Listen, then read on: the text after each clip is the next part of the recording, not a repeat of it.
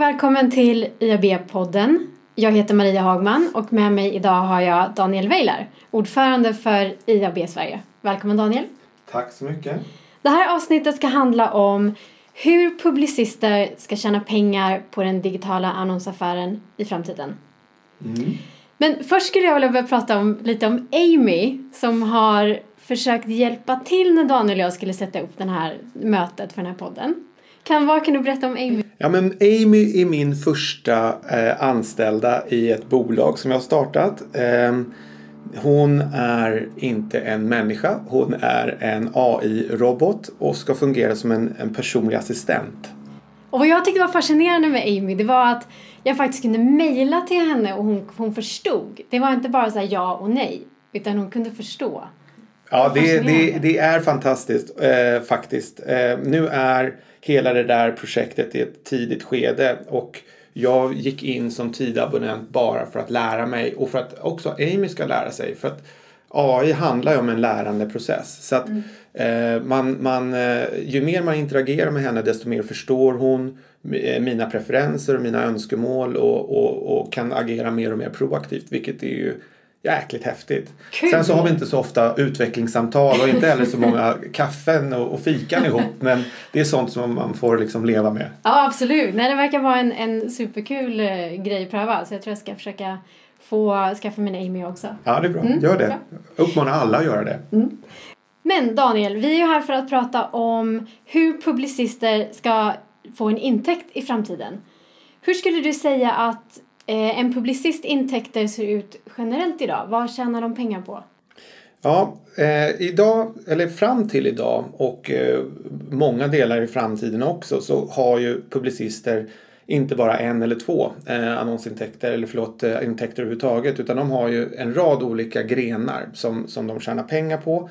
Eh, självklara grejer som vi alla känner till är ju annonser, dig, digitala displayannonser. Det är video, det är eh, native marketing som växer eh, sig allt starkare. Det är, vissa bolag jobbar med mycket affiliate-lösningar. Eh, eh, andra bolag där det passar kör classified annonser som DN Jobb klassiskt så eller vad det nu kan vara. Ehm, eh, är du en business to business tidning så är oftast events också en sån gren som växer sig allt starkare. Eh, där man har en publik och kan samla den även då eh, in real life som man kallar det. Men, men generellt så har publicister ungefär cirka 7 till 10 olika intäktsströmmar. Men de som är traditionellt har varit de största är ju annonsintäkterna. Sen kommer man ju liksom allt mer och mer fram till då betalväggar på något sätt. Antingen till fullo eller delvis eller liksom erbjuda nya typer av tjänster som då är betalväggar, det vill säga business to consumer-intäkter. Och eh, många andra bolag har ju tittat ännu mer vidare. Vårt bolag Ny24-gruppen har ju kört eh, bland annat, vi har lanserat ett eh, e-handelsprojekt som, som en tänkbar ny facilitator och nya intäktsströmmar. Så tror du att format som till exempel native kommer bli eh, det främsta formatet för att komma iväg från reklamtröttheten men ändå få en intäkt? Ja, alltså native kommer vara en, en bra framtida eh, utväxlare för, eh, för eh, liksom branschen i stort. Eh, det, är en, det är en väldigt bra och stark produkt. Idag så eh, eh brottas många med distributionen, alltså hur man får ut tillräckligt många. För man vet att på varje enskild individ så är ju en native marketing mångfaldigt effektivare som reklambudbärare än många andra lösningar. Problemet är ju bara att eh, många annonsörer kräver ju liksom en, en, en väldigt hög räckvidd på det för att få tillräcklig volym på effekten. Och det är ju där många fortfarande brottas med den frågan. Eh, tittar man egentligen på native från publicistsidan så är det ett strategiskt viktigt produkt.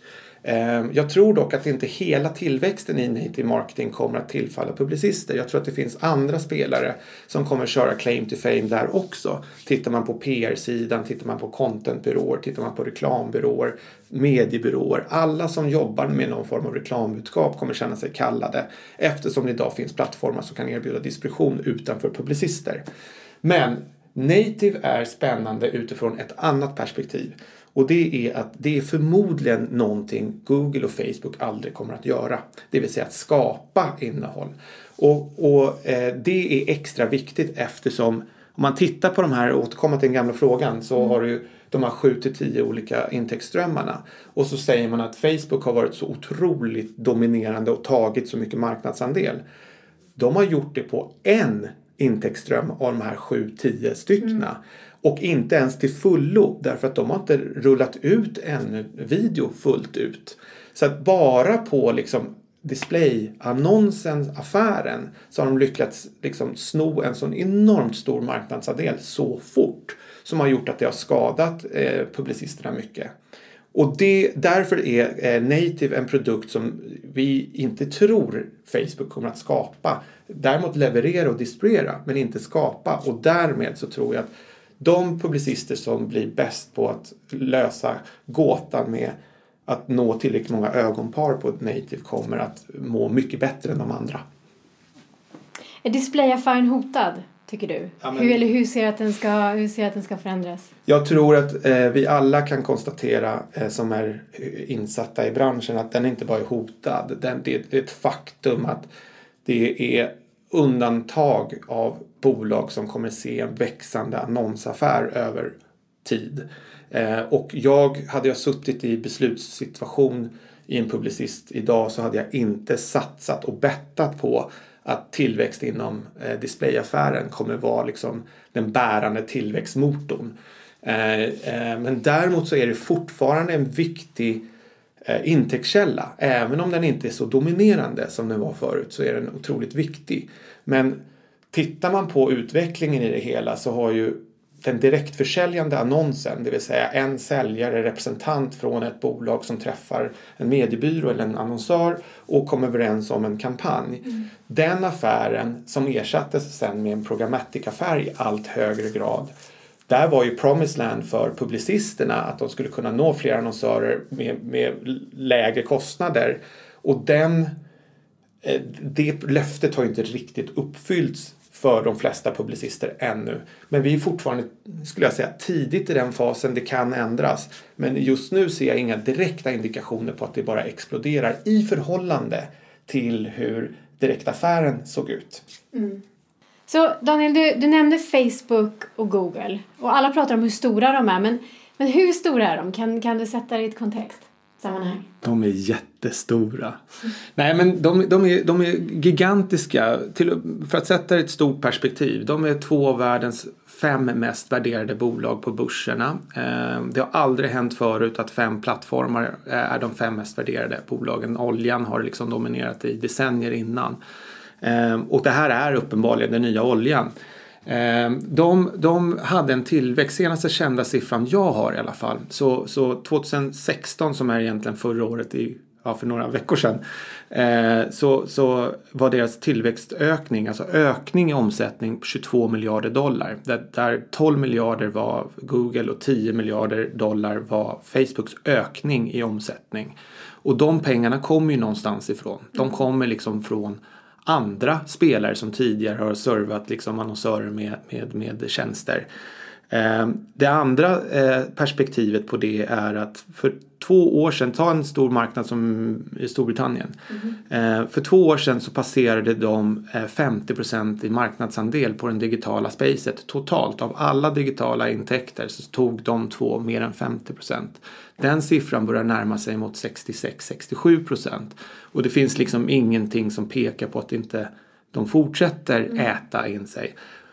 Det finns såklart en, en, en, ett stopp på det där. Eh, därför att liksom bara naturlagarna säger det. Men, men även om de stannar där och även om de sjunker något så, så är det ju oerhört bekymmersamt för andra bolag som fightas om samma pengar att de är så pass dominerande. Mm, jag förstår. Så hur ska en lokal publicist resonera om framtida intäkter då? Om, om de här två jättarna tar så mycket marknad? Mm. Ja, men en, en grundregel som jag har pumpat in internt det är vad än Facebook och Google gör så, så fundera på vad du ska göra istället. Eh, därför att deras, deras rd budget som såklart inte speglar endast annonsaffären men eftersom det är i stort sett deras enda intäktskällor på mångt och mycket så lägger de en väsentlig del av sin R&D där. Och den senaste siffran återigen då är 17 miljarder dollar som de ackumulerat lägger på R&D. Vilket såklart sätter eh, sätts i perspektiv då om ett lokalt mediehus i Sverige skulle kunna tävla med det. Jag menar de är glada om de investerar ett par miljoner i något nytt system och det är ju liksom inte ens en droppe i havet i jämförelse. Och eftersom de här plattformarna är globala och, och det är self-service så gagnas ju den här utvecklingen av till alla annonsörer oavsett om du är i Azerbajdzjan eller om du är i, i, i LA. Vilket gör att det är väldigt tufft att, att, att tävla med. Okej, okay, hur ska man tänka då? Så hur man ska tänka är att man ska göra det man är bäst på ännu mer. Och eh, en, jag tycker att betalväggar är intressanta. Jag tycker som, rent filosofiskt så tycker jag att det är en rätt väg att gå. Du ser inte betalväggar som en, som en demokratifråga? Alla har inte råd eller möjlighet att betala och då får de inte del av den informationen som finns där. Annonser gör väl ändå att det, alla kan ta del av materialet som finns? Eh, nej jag, jag, tycker inte att det är en, ja, jag tycker inte att det är en demokratisk fråga. Jag tycker att det har vi hanterat i Sverige på ett väldigt bra sätt med public service. Det kommer alltid vara fritt.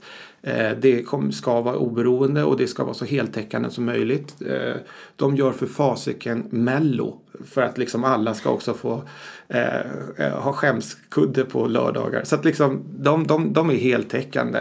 Eh, och i övrigt så, så hade vi en modell i, i decennier med, med eh, tidningar som kostade på prenumerationssidan och det var det enda sättet, förutom public service, att ta del av det. Så nej, jag tycker inte det. Jag tycker att det finns demokratiska frågor man kan ställa sig men betalväggarna är inte en av dem. Sen kan inte jag säga i, i, om det är tillräckligt för att fortsätta ha en bra tillväxt i liksom de bolagen rent finansiellt. Men jag tror att, att betalväggar är en bra idé utifrån att man riktar hela sitt engagemang mot konsumenten. Och konsumenten är den som man har försökt eh, plisa i alla år. Men man har försökt hämta in pengar från annonsörerna och det är oftast en ganska förbryllande modell. Där när, när konkurrensen hårdnar om annonspengarna då brukar man försöka rikta sig mer och mer och bli anpassningsbara mot dem i utbyte att få deras gunst. Och då är det väldigt enkelt att glömma konsumenten. Så jag tror att, att, liksom att rikta ett fokus åt ett håll är en väldigt, väldigt bra idé som grundprincip. Många säger att de gör det, alla säger nog att de gör det, men de facto ser vi ju på, på vissa sajter ser ut som julgranar och det är ju inte konsumentorienterat. Så det kan vi alla konstatera. Behöver svenska medier bli mer innovativa? Alltså någonstans det medier är fantastiska på det är att samla massor med människor och skapa engagemang. Och jag tycker att man har undervärderat tjänstesidan på det. Vilka tjänster kan man erbjuda? Vilka entertainmentformat kan man erbjuda när man ändå har publiken? Jag brukar jämföra det med en e-handel som tar hand om varenda besökare med nitisk noggrannhet och testar och analyserar och fixar och donar. Hur kan vi få de här mer engagerade? Sen har vi en, oss själva då som publicister. Vi får in massor med folk men vi använder inte alls samma metodik och noggrannhet att ta hand om dem för vi är vana att de bara är där. Och att eh, affärsmodellen genom annonser har löst sig själv. Ja, nu gör det inte det längre. Så att ta inspiration från e-handlar hur de använder att jobba med, med time spent och eh, sin inkorg och varukorg och hur man ser till så att de köper en pryl till och kommer tillbaka väldigt fort igen. Och allt det behöver liksom publicister inspireras av. Därför att the battle är verkligen vad är intäktsvolymen per besökare?